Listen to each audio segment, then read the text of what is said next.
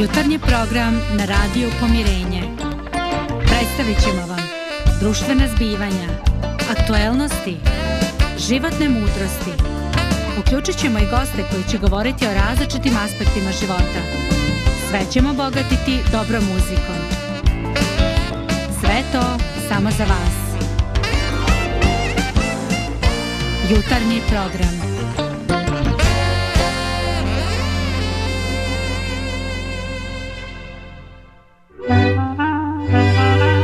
Riječi mudrih ljudi. Svjetlo i radost na našem putu. Lijep pozdrav, dragi ljudi. Evo, ponovo smo zajedno u jutarnjem programu. E, drago mi je što imamo još jedan dan pred nama i što imamo temu za koju mislim da će nas na neki način angažovati. E, pozdravio bi svoje današnje saradnike, to su Nataša Božidar, e, Lidija za drugim stol, pultom. Lidija, nisam te ostavio za kraj, nego ti si s onu stranu stola, pa tako ispalo.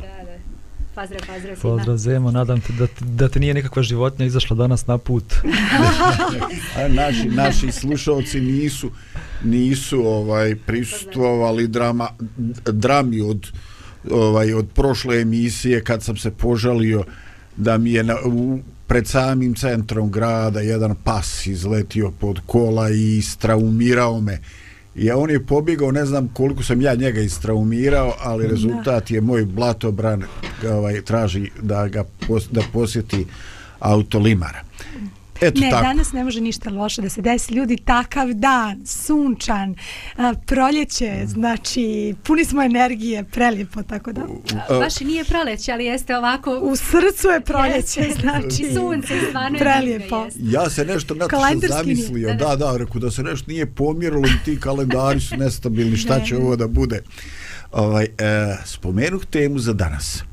Evo, uh, više puta ste bili u prilici da slušate izjašnjavane ljudi, čak i onih ozbiljnih autora, ljudi koji su pisali učbenike i koji se bavili prirodom čovjeka.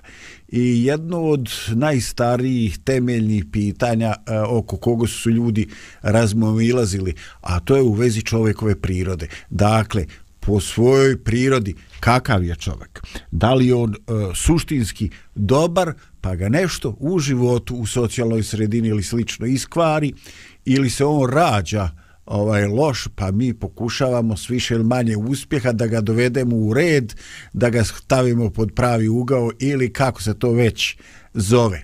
Dakle, suštinsko pitanje, šta je čovjek na fabričkom podešavanju? Eto, baš sam upotrebio izraz onako narodni, E, I vi ćete se svi sjetiti od onoga iz osnovne škole što se nas učili da je čovjek čovjeku vuk, pa čovjek je politička životina, pa čovjek je ovo i ono.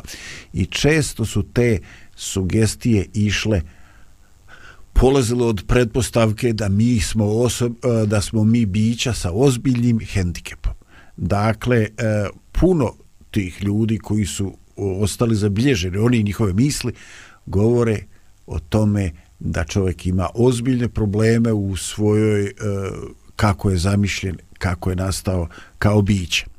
Koje biste slike upotrebili da to potvrdite ili da eventualno demantujete, nema ovdje, nismo valjda jednomni. Ovaj, dakle, e, šta je sa zlom u čovjeku?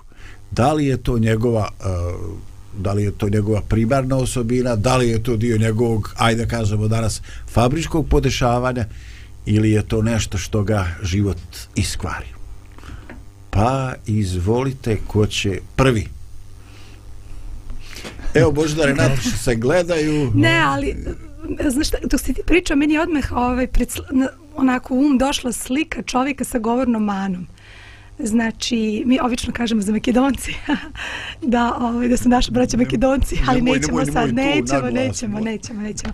Ali, ovaj, ne, to je šala, ovaj, um, jako ih volim, nema veze sa, ovaj, sa time, nego o, uopšte ljudi sa, sa govornom manom, znači, recimo, ljudi koji mucaju, a, koji znaju da govore, ali stalno imaju problem sa izgovorom.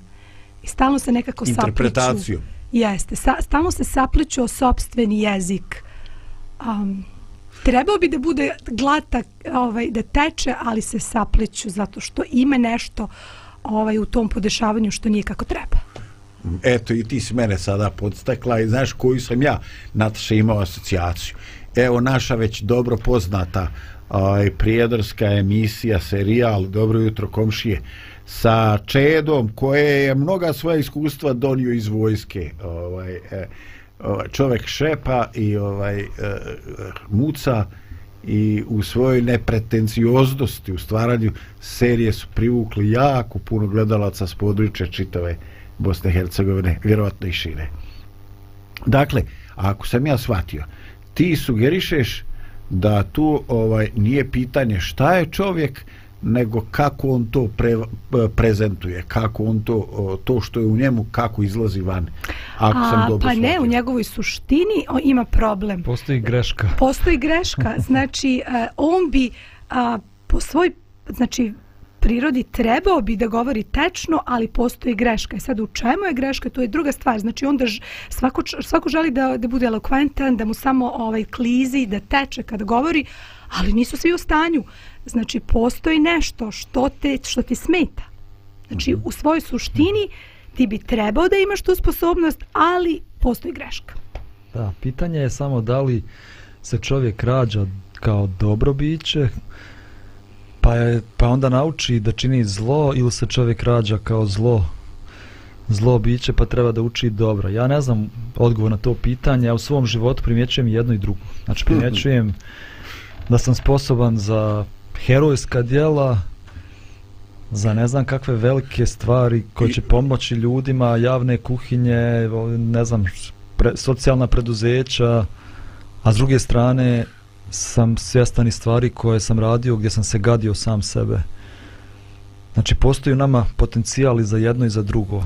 Ali ti sad postavljaš pitanje šta, šta je bilo prvo, kokoš ili jaje, znači, a postoji, znači, originalno šta je bilo. Tako da, neki način... Ne, govorimo o, o čovjeku, o ličnosti. Još nismo stigli do njegovih uh, praiskonskih izvora. Mm -hmm. Ovaj... Uh, Nataša, zabranjeno ti je da završavaš emisiju, tek smo počeli. okay. o, dobro, ovaj, a, ajde, pomakli smo se korak u značajnom pravcu. Dakle, uh, Nataša, ti prepoznaješ uh, šta bi nešto potencijal kao potencijal moglo trebalo da bude i prepoznaješ da tu ima nešto bag, neki neka greška da to baš ne izlazi napolje kako treba ovaj, eh, da jednostavno jednostavno stvari su ovaj, takve prepoznaje, a Boždar je to onako baš zaokružio i rekao ako je sudit po njemu, čovjek je spreman na grandiozne stvari s koje god doš strane da gledaš, evo Božo će to vjerojatno moći realizovati. Ovaj, I onda smo već došli u situaciju da mi pričamo o unutrašnjem konfliktu, unutrašnje, uh, konfliktu unutrašnje prirode. Uh, šta mislite? Da li e, druga bića, sad ovdje na zemlji mi možemo govoriti o čovjeku i životinjima, je li tako? Da li unutrašnja, da li druga bića imaju unutrašnji konflikt? O da, o da, moj pas, Maltezer, ima unutrašnji konflikt. da? Da, znači ne znam da li je to pitanje moralnog pitanje, znači da li je istinski dobro ili loše, ali znači ja vidim taj konflikt isto i, i u mom su, na primjer. A A moja džina, to je maltezerica, znači ona mene gleda očima onako, sve me sluša, toliko me voli, toliko se obraduje i kada joj to u interesu, ona me u potpunosti sluša. Međutim, ako ja nju pustim u parkić i ona nađe neku, neko pače mesa, ja nju zovem, ja tačno vidim konflikt u njoj. S jedne strane ona hoće da dođe, ali sa druge strane to parče mesa je tamo koje ona ne sme i ona zna da to ne sme da uzme i onda je to konflikt u njoj. Ja tačno vidim da postoji neki konflikt i uglavnom meso pobedi. Hoćeš i bolji jedan primjer? Hajde. pa ona kad uradi nešto što, što zna da ne smije da radi, ona se sakrije. O, da. Ona pobjegne ispod kreveta i sakrije se. Da. Dovoljno da to kažem je... šta je ovo? Šta je ovo? Ona me pogleda i vidi da je zgrešila i ops.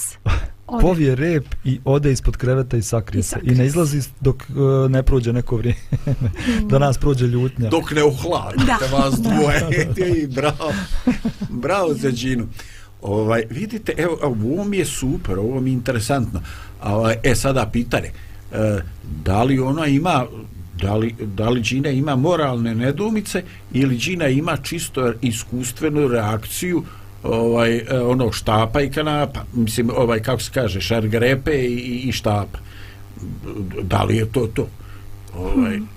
Pa to je baš dobro pitanje zato što ja uopšte ovaj, niti sam ovaj, neki prirodnjak previše i stvarno se nisam time toliko bavila, ali sad, mi, sad mi je palo na pamet šta je sa medvedima koji napadaju ljude bez razloga. Znači, postoje oni koji napadaju u slučaju da se osjećaju ugroženi, da su njihovi medvedići ugroženi, a postoje medvedi. I čitala sam o tomu u Yellowstone ovaj parku se dešava da medved bez ikakvog razloga napadne čoveka i smatra se da je taj medved zao i njega moraju da usmrte. Znači, postoji nešto možda, možda uopšte nisam u pravu, ne, ne tvrdim da je ovo ova istina, ali ja imam utisak da da postoji možda neki moralni zakon čak i u životinjama. U, to je stvarno, to je nešto novo, o čemu bi morao da razmislim. O, vjerujem iz ovo mojih godina nisam to tako podstavljao, ali ajde, ajde, ovaj, do, do, e, dozvoli. Dozvoljavam da postoji tako nešto ovaj eto samo da ti kažem ovi stari ljudi ovaj ja sam e, dosta su evo vidiš Boždare primjećujem da su u mom životu dosta tragova ostavili ljudi koji su bili značajno stariji od mene vjerojatno sam još iz detinstva volio da slušam e, ovaj te e, te ljude te osobe bilo da su muškarci ili žene jer nekako sam osjećao nagonski da od njih imam i mogu nešto da čujem, naučim, da će to nešto biti što je prosijano i, i što je na neki način potvrđeno ili demantovano životom, realnim ovaj, I u narodu postoji taj izraz za te životine medvjede ili slično, kaže, ovaj, e, okrvili su se. E, dakle, e, ili pas, e, pas će uvijek jeste ono što staviš predaj njega, a nikada neće loviti kokoške, domaće životine. Ali ako pas počne to da radi, a vjerovatno će početi ako ga hraniš nekuvanim mesom, mm. ovaj, i onda će vidjeti E, vidjet će povrijeđenu kokošku i onda će vidjeti onaj batak koji sirovi koji su mu ti dala i on će taj batak odvojiti od kokoške. Sa što će kokoš ispustiti duš posle toga, kažu da je gazda kriv. E sada, mi ne znamo taj tvoj Yellowstone medo, ovaj, šta je bilo, da li se on prvi put okrvio rad toga što je neku mislio da neku ugrožava njegove mlade, ovaj, e, stvarno ne znam. Mislim da većina ljudi bi i, baš stavila pod upitnik da životinje imaju moralno načelo, ali da imaju neko iskustvo e, kojim uče e, ponašanje i jednostavno postanu takvi da ih čovjek više ne može tolerisati u svojoj blizini. Kako je stvarno, da. ne znam. Ja ne znam. To prevladava tako mišljenje. Ovaj, ali ja što više učim o Božoj tvorevini, ja shvatam da je ona mnogo složenija i savršenija nego što mi mislimo. Mi mislimo da sve što nas okružuje prirodno okruženje, da je to bezdušna materija. Ali to nije baš tako. Biljke osjećaju, biljke čuju kad im govoriš, biljke se razvijaju u zavisnosti toga koliko im ljubavi pokažeš. Životinja ima saosjećanje, životinja je odana, životinja je vjerna, e, ne znam, avatar, nije sad to neki standard ove, istine uh mhm. -huh. o tome, ali u avatar ima jedna scena kako ubijaju te neke velike vodene životinje, nešto slično kitovima. I onda jedan naučnik istraživao mozak te životinje i kaže, pa ova životinja je 500 puta inteligentnija od nas ljudi. Ovaj, ima emocije koje su daleko razvijenije. Ona ima emociju da, za umjetnost, za muziku. Sad, to je neka naučna fantastika, ali moguće. moguće da životinje također imaju i emotivni život i možda čak i neke moralne, moralna načela interesantno. Evo, ja sad moram da se zamislim, pa da bi ja imao priliku da malo razmišljam, Lidija, da ti nama pustiš neku muzičku tačku.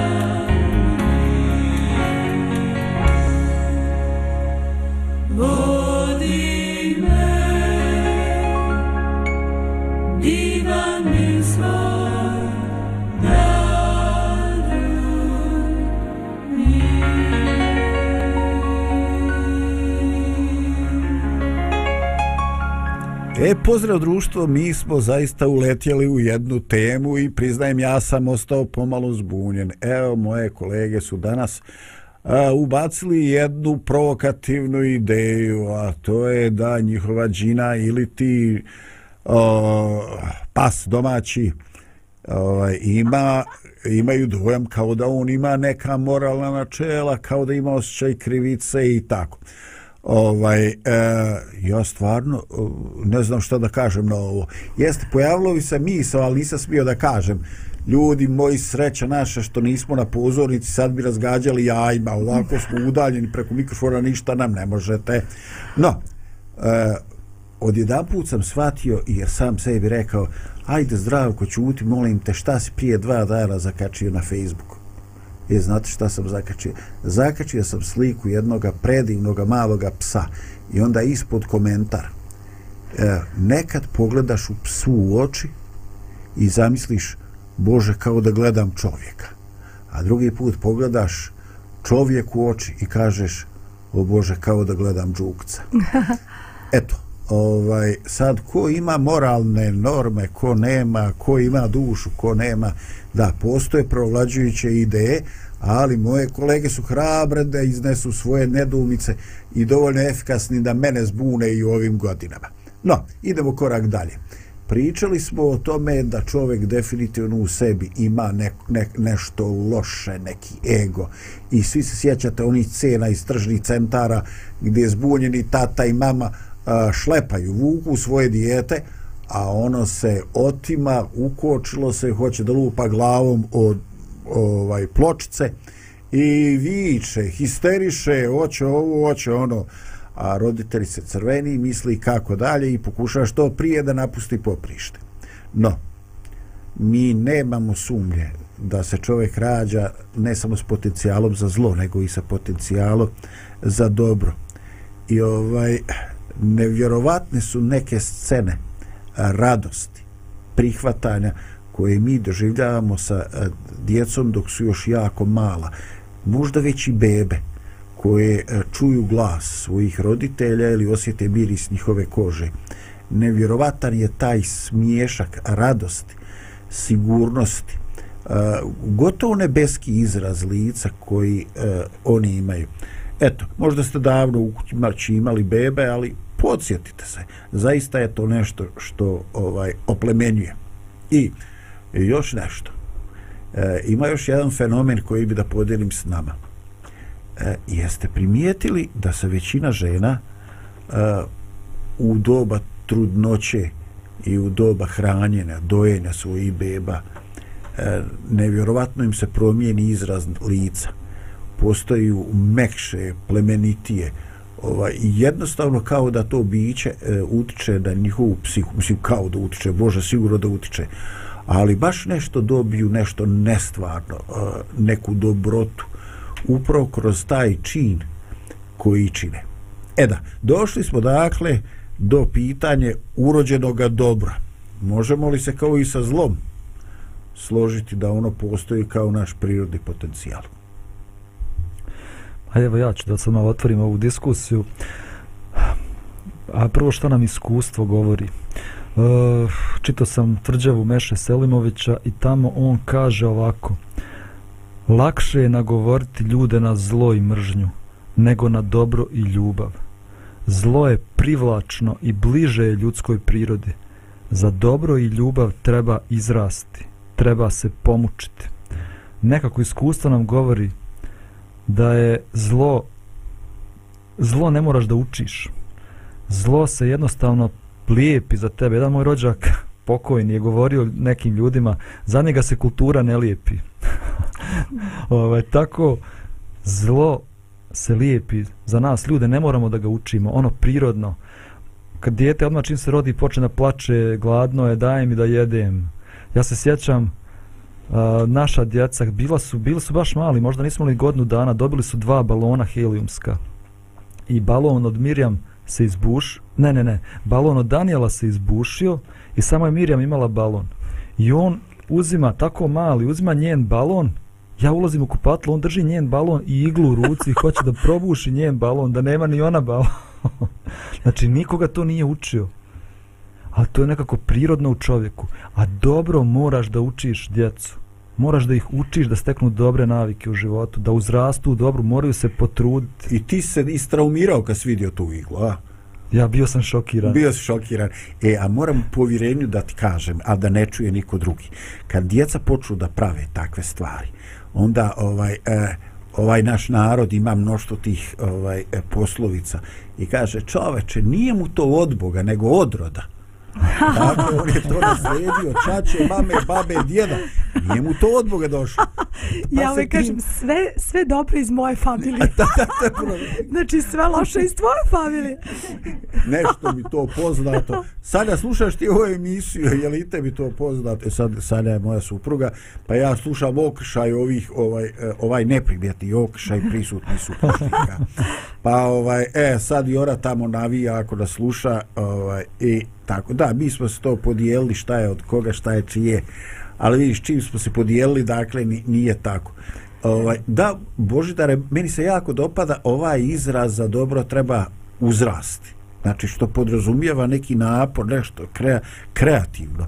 A ovaj e, isto tako postoji izraz ne možeš se pustiti da te voda nosi šta to znači. A ako se pustiš da te voda nosi, ti tebe nose određene stihije, tendencije. Ali znači moraš upotrebiti energiju da bi plivao u pravom smjeru. I to je upravo to što ti kažeš. I to je nevjerovatno koliko je to. E sada, ako od toga zavisi koliko smo mi dobri i loši, kako čovjeka uputiti i još bolje, kako ga motivisati da zamahne rukama da zapliva u pravom smjeru. Ako ga stihije nose, a za dobro mora da uzraste i da upotrebi konstruktivnu, usmjerenu, smisa upotrebljene energije. Kako je uopšte moguće? Kako si ti mobilisao Daniela da, ovaj, e, da odloži iglu ispred helijumskog balona? Hm. Pa ne znam, mislim da ima tu više... A izvini, izvini, ako ćete pozvati socijalni radnik, ako to nije zastavljeno... nije jednostavno. Ja mislim, prvo moraš imati primjer dobrote. Moraš imati neku viziju dobrote. Zašto bi ja bio dobar? Moraš da vidiš neki primjer toga u životu. A onda moraš i da znaš kako da to dostigneš. Ne znam, kako učiš, kako da bilo koju dobru naviku u životu steknem. Nije ti dovoljno samo ja to želim da postignem i to će se dogoditi. Moraš da uložiš neki napor. Ako hoćeš da naučiš strani jezik, moraš da odeš da kupiš knjigu. Moraš da ideš na kurs stranog jezika. Moraš da odeš u tu zemlju, da razgovaraš s tim ljudima. Mnogo tu moraš napora da uložiš da bi stekao tu neku dobru naviku u svom životu. A koliko više za naš karakter? Ali ima tu još jedan problemčić. A problemčić je u tome što mi smatramo da smo mnogo bolji nego što jesmo. Ja znam većinu ljudi koji ima tako dobro mišljenje o sebi, koje sebe smatra dobrom osobom. A kada ih ja malo bolje upoznam, ja kažem, pa ta osoba uopšte nije dobra. ta osoba ima vrlo iskrivljenu sliku o sebi. Nekako ove, imamo nevjerovatnu sposobnost samo, samo obmanjivanja i precenjivanja svoje dobrote i, i, i svojih dobrih namera, tako da kažem. Znači, I sad od toga zavisi u stvari kakvi su nam standardi. A, ako su nam standardi jako visoki, mi se nećemo osjećati previše ovaj, Samouvjereni. Samouvjereni, da. Međutim, ako imamo niske standarde i najmanje sitnica, mi ćemo reći, ah, kakav sam ja ako, čovek. Ako nam ljudina, je ljudina. standard, da, ako prve komšije su nam standard ili one druge, a obično izaberemo one gore onda mi imamo razloga, mislim, ono, nismo, nismo mi najgori od sve djece, tako, mm. mi to čovječe često koristimo.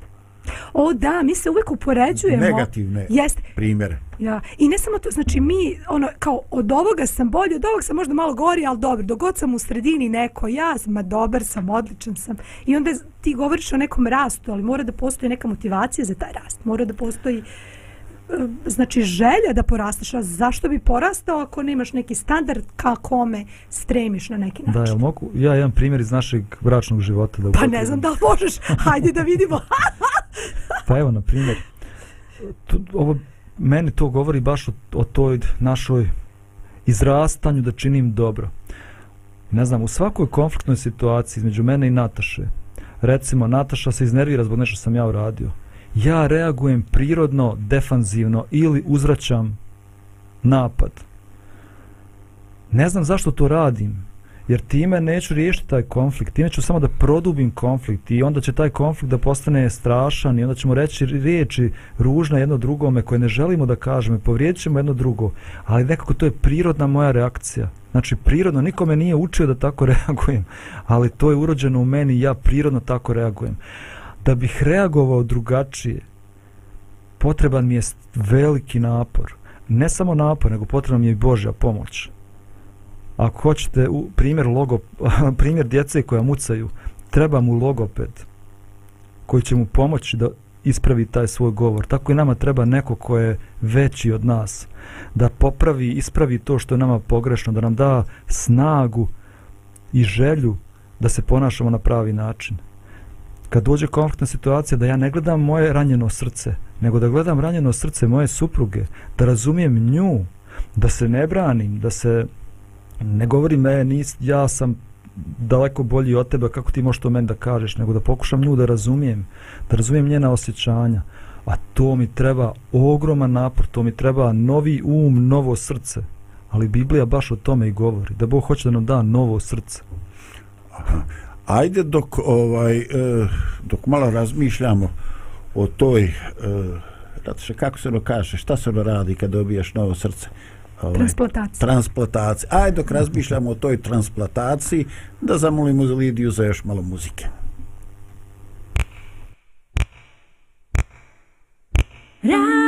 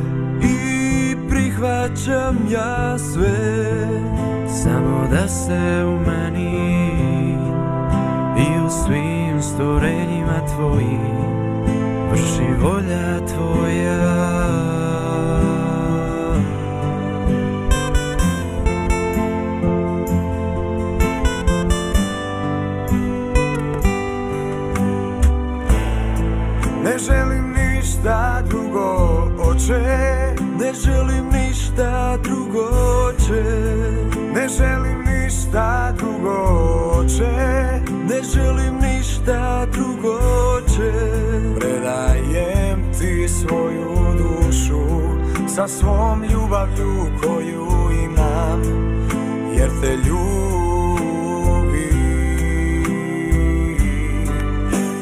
I osjećam potrebu da se daruje se predam u tvoje ruke. Bez granica, bez mjere,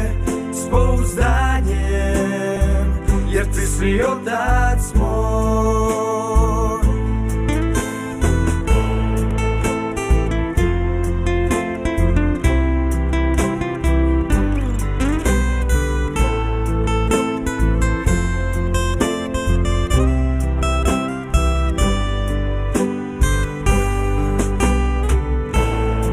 Ne želim ništa drugo, oče, ne želim ništa drugo, oče.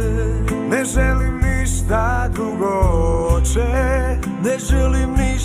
drugo će Predajem ti svoju dušu Sa svom ljubavlju koju imam Jer te ljubim.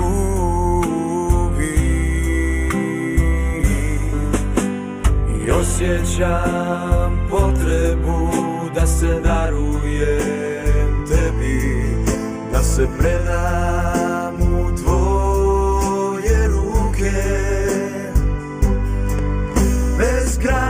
srca bez mjere, s pouzdanjem Jer ti si otac moj. Bez granica, bez mjere, s pouzdanjem Jer ti si otac moj.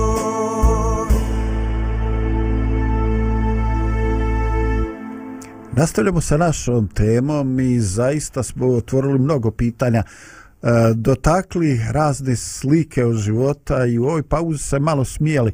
O čovječe, dotakli smo i životinje i brak i djecu i što šta i govorimo o toj podijeljenosti čovjeka, o njegovom definitivnom potencijalu da čini dobro i da čini zlo.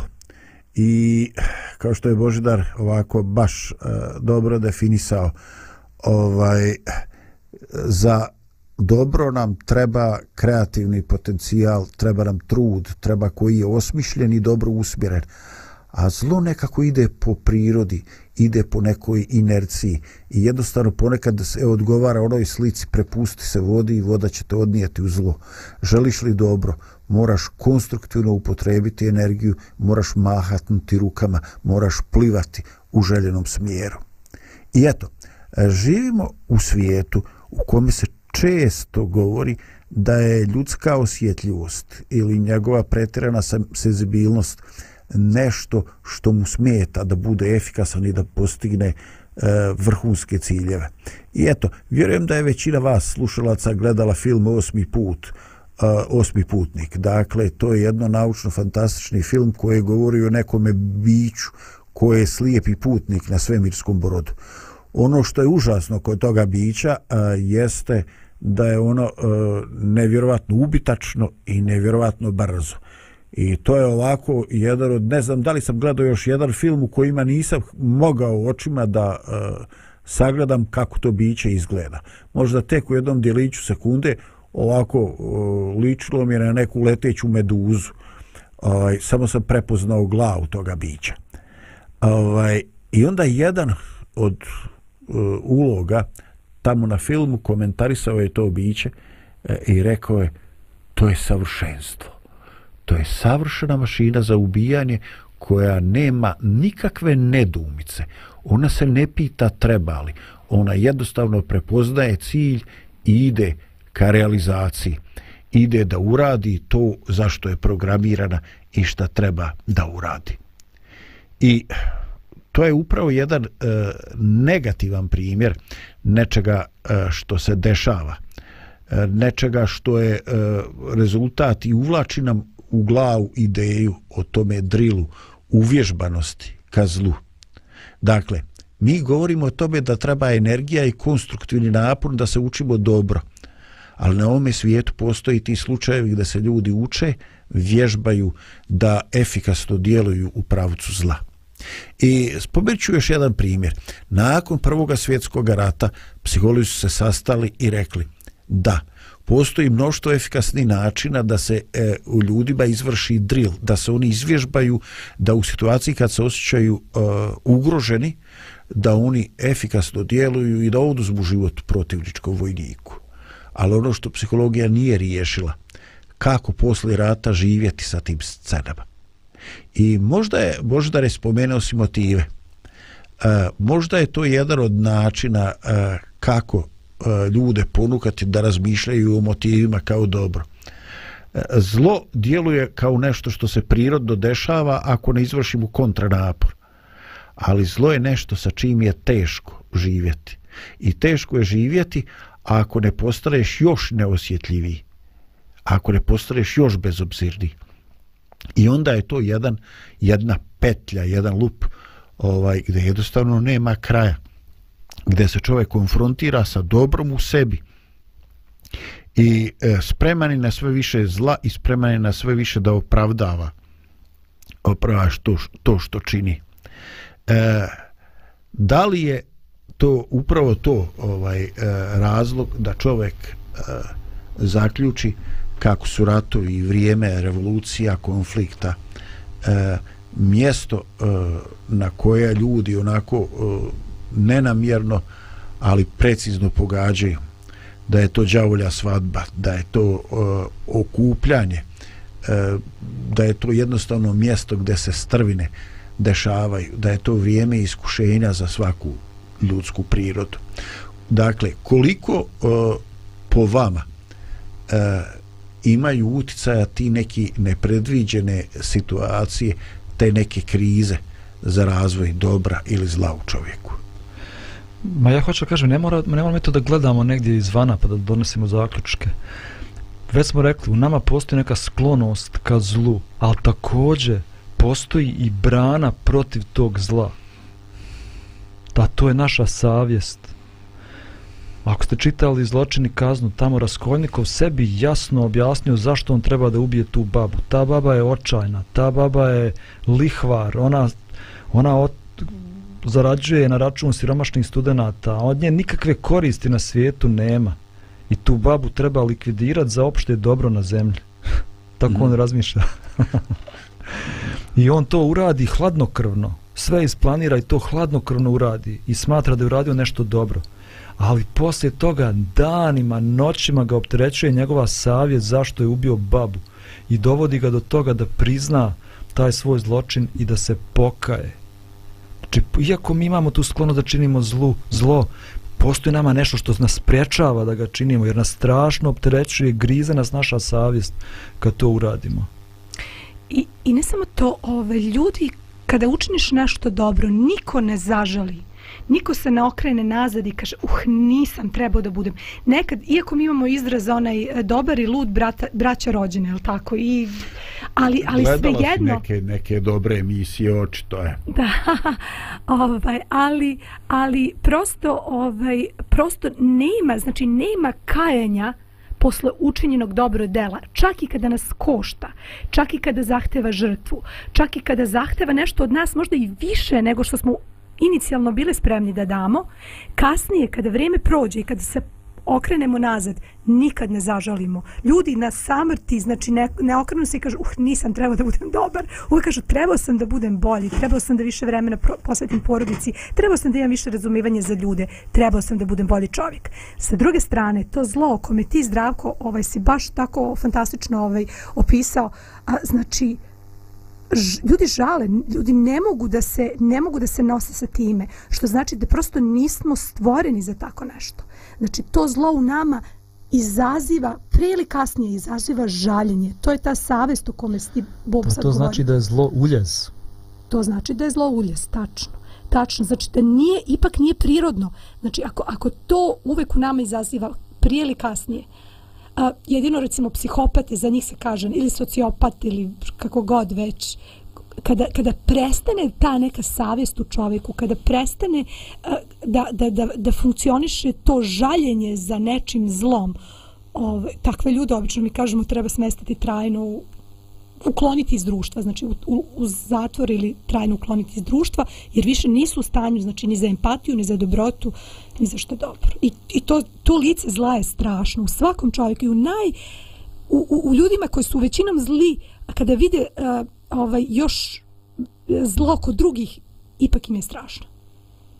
Da, ovo je ovo mi je ovaj baš onako dobra primjedba zlo je uljes u odnosu na šta? U odnosu na ono što je čovjek trebalo biti po svom, uh, u originalnom svom. Je, rekao sam početku izraz po fabričkom, fabričkom, po, fabričkom podešavanju. ovaj, e, no, vidite, e, ja znam da mi živimo u životu gdje je poželjno da postoje neka racionalna objašnjenja i tako za sve ovaj kriv društvo, za sve kriv odgoj, za sve su krivi neodgovorni roditelji, loš komšiluk škola, ustanova i tako sistem. Ali ovaj e, naravno da to sve utiče.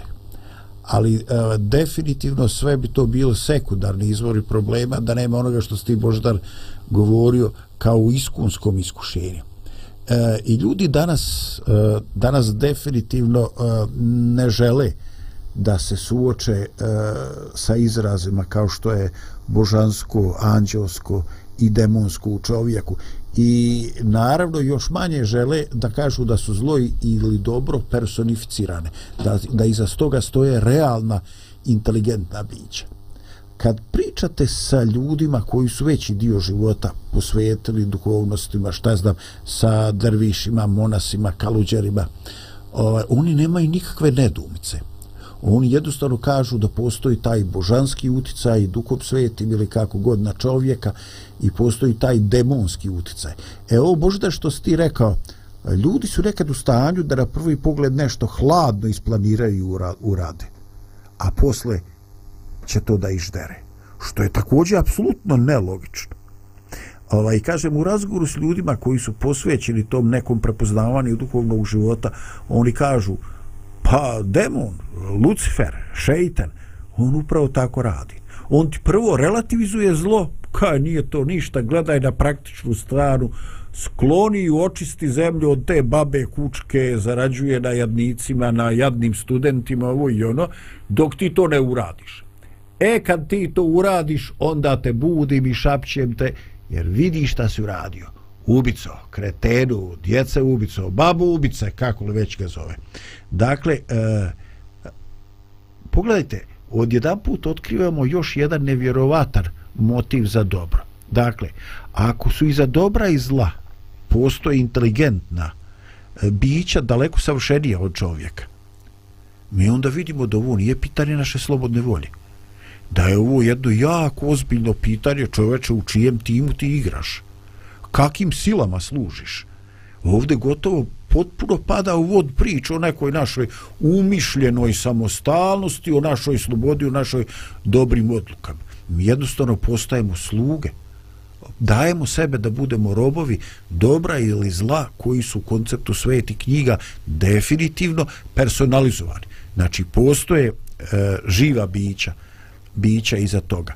E, kako bi po vašemu mišljenju e, ta misa koja se ponavlja u svetim knjigama i Kuranu i u svetome pismu, znači da iza zla i dobra postoje inteligentne ličnosti koje se bore da to prevagne u nama.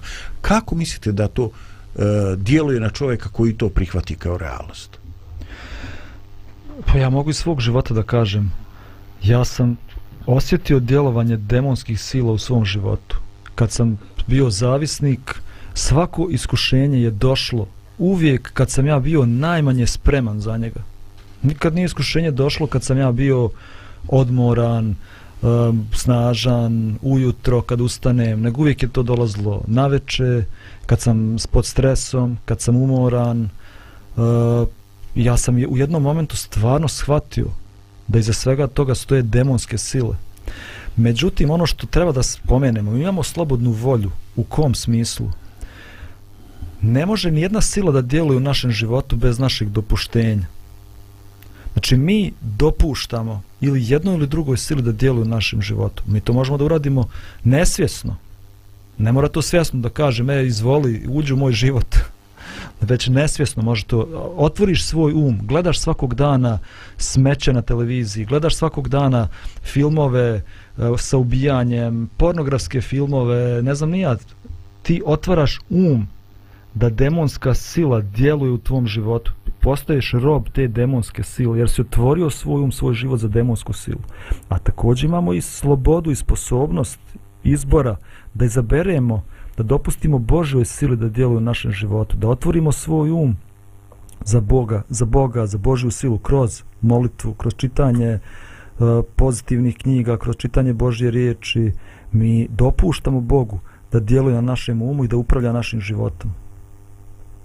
Pa dobro, izgleda da napokon uh, za mnoga pitanja koja su baš onako suštinska u našem životu, mi nećemo naći odgovore u samoj nekoj pozitivnoj psihologiji.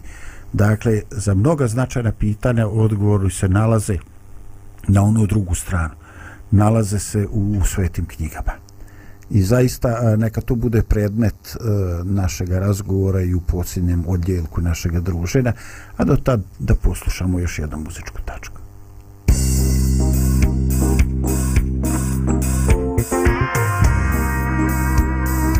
Radio Pomirenje.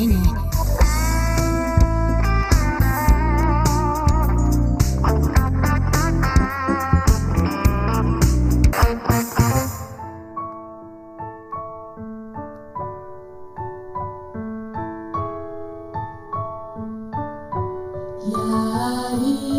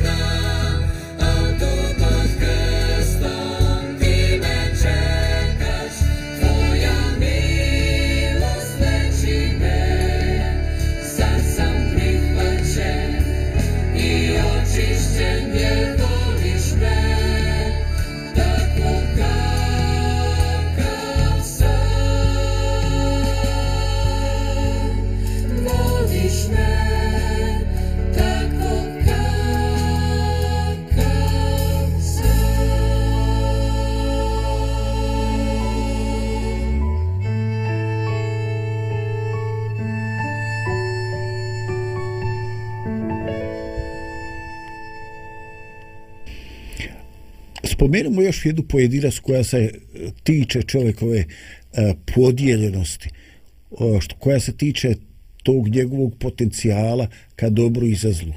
Jedan od razloga ili motiva čovjekovog podijeljenosti je e, svakako strah.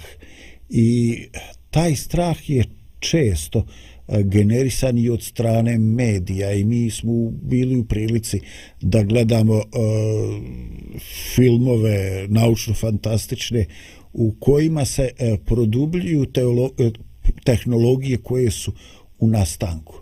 I tako smo, bio sam u prilici da gledam više filmova u kojima su ljudi da bi efikasno obavljali posao vojnika, dobijali neke implantate ili dobijali neke e, čipove da bi bili e, jednostavno osobe bez straha, možda i bez osjećaja bola, da bi reagovali.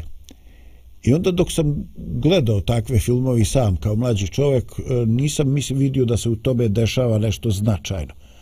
A kako je vrijeme prolazilo, onda sam vidio da je vrag odnio šalu E, dakle, e, mi danas imamo sve veći broj ljudi e, koji živi u tom nekome filmu, boji se za budućnost sebe, svoje djece, unučad, živi u nekim strahovima, u nekim fobijama da će izgubiti svoju privatnost, da će izgubiti slobodu ovaj, odlučivanja. I javlja se sve više glasova koji vode u tome smjeru koliko je to istina ili ne, to svako nije pitanje koje će dobiti odgovor u ovoj emisiji.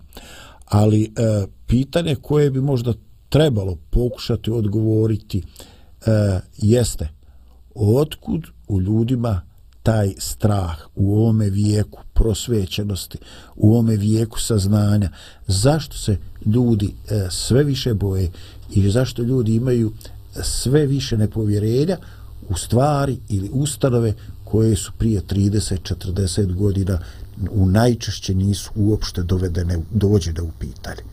Zašto danas se ljudi boje više stvari nego što se možda bojali prije 30 godina? Koje je vaše mišljenje? Osim filmova koje sam ja već spomenuo. Pa vjerojatno su ih iznevjerile. Sve te ustanove. Mhm. Uh jer jednostavno doživjeli su stvari kad su izgubili povjerenje. Pa izgubili su povjerenje danas i u, u državu, u institucije, u policiju, u škole, u standarde. Standarde. E, ne, možda je, da li se ti sjećaš onoga uh, vremena ovaj, kad, su, uh, kad su ljudi jednostavno, uh, kad su postojali uh, jasno definisani standardi. I onda je recimo ovaj neki proizvod je po JUS jugoslovenski standard. Znači nešto što je bilo precizno definisano uh, ako je mlijeko, koliko je masnoće, ako je ovaj materijal, koliki procenat bakra u njemu i tako. Onda su dolazili prvi gastarbajteri iz Njemačke i rekli ovo je din, ovo je po njemačkom standardu.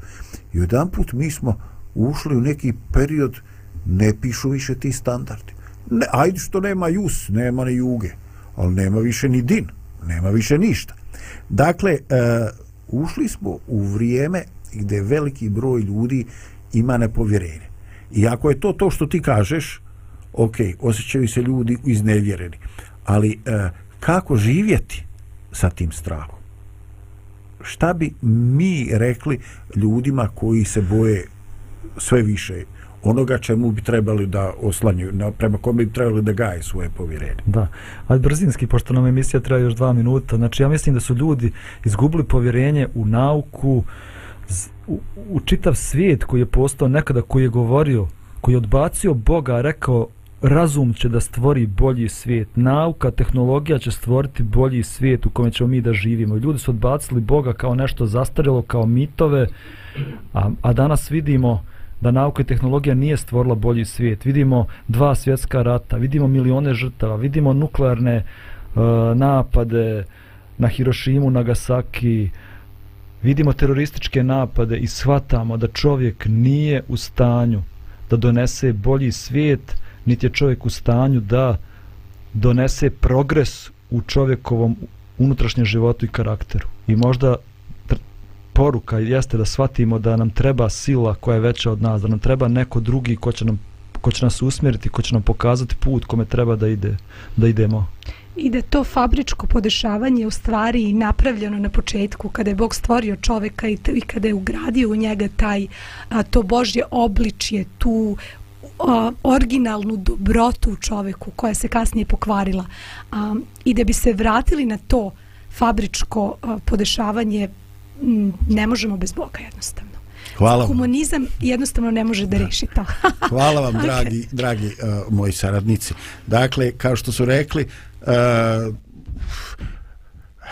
postoje mnoga, postoje uh, dobro i zlo. Učinimo svoj dio da bi dobro pobjedlo sa nama i našim životima i u vremenu u kojem živimo. Lijep pozdrav. Pozdrav svima. Thank you.